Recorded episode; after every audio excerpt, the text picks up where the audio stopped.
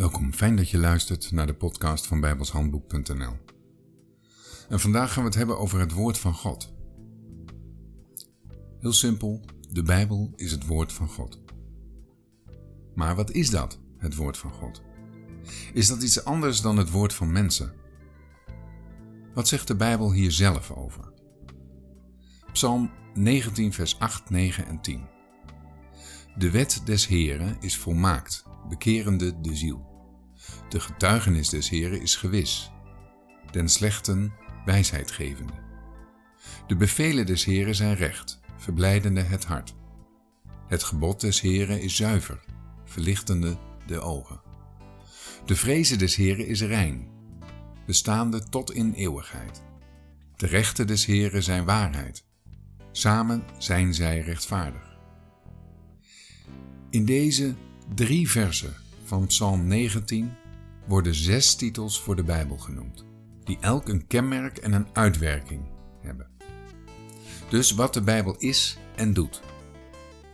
De Bijbel wordt genoemd de wet des Heren en het kenmerk is volmaakt en de uitwerking het bekeert de ziel. De getuigenis des Heren en het kenmerk is gewis en geeft slechte de wijsheid is de uitwerking. De bevelen des Heren, kenmerk is, die zijn recht. De uitwerking verblijden het hart. Het gebod des Heren en het kenmerk is zuiver en de uitwerking het verlicht de ogen.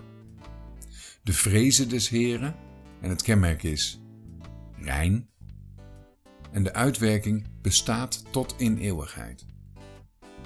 En als laatste de rechten des Heren en het kenmerk is waarheid en de uitwerking, ze zijn rechtvaardig.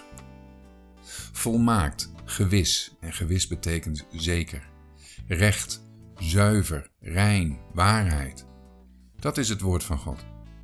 En moet je voor de aardigheid eens Romeinen 3, vers 13 en 14 lezen. Daar wordt gesproken over het woord van de mens. En er zit een heel groot verschil tussen het woord van de mens en het woord van God. In Psalm 119 staan tien namen voor het woord van God. Ik noem ze alle tien. De wet des Heren, de getuigenis des Heren, de bevelen des Heren, de inzittingen des Heren, de geboden des Heren, de paden des Heren, het woord des Heren, de wonderen van Gods wet, de verordeningen des Heren, de wonderen van God. De wet des Heren slaat niet alleen op de wet van Mozes. Het is meer een algemene uitdrukking voor de Bijbel. David had alleen de vijf boeken van Mozes, die in de Bijbel de Torah of de wet genoemd worden. Deze namen hebben dezelfde betekenis als ons woord de schrift. Wet betekent onderwijzing. Dat de Bijbel het woord van God is, wordt op veel plaatsen in de Bijbel zelf gezegd en er is geen enkel boek in de hele wereld dat hetzelfde kan beweren en beweert. Het Oude Testament telt 39 boeken, eigenlijk 43, want de psalmen zijn onderverdeeld in vijf boeken. Het Nieuwe Testament telt 27 boeken. Deze 66 boeken samen worden sinds de 4e eeuw de Bijbel genoemd. En dat komt van het woord Biblia. En dat wil weer zeggen boeken. Maar dankzij de Bijbel kunnen we God leren kennen en zijn helsplan voor de schepping.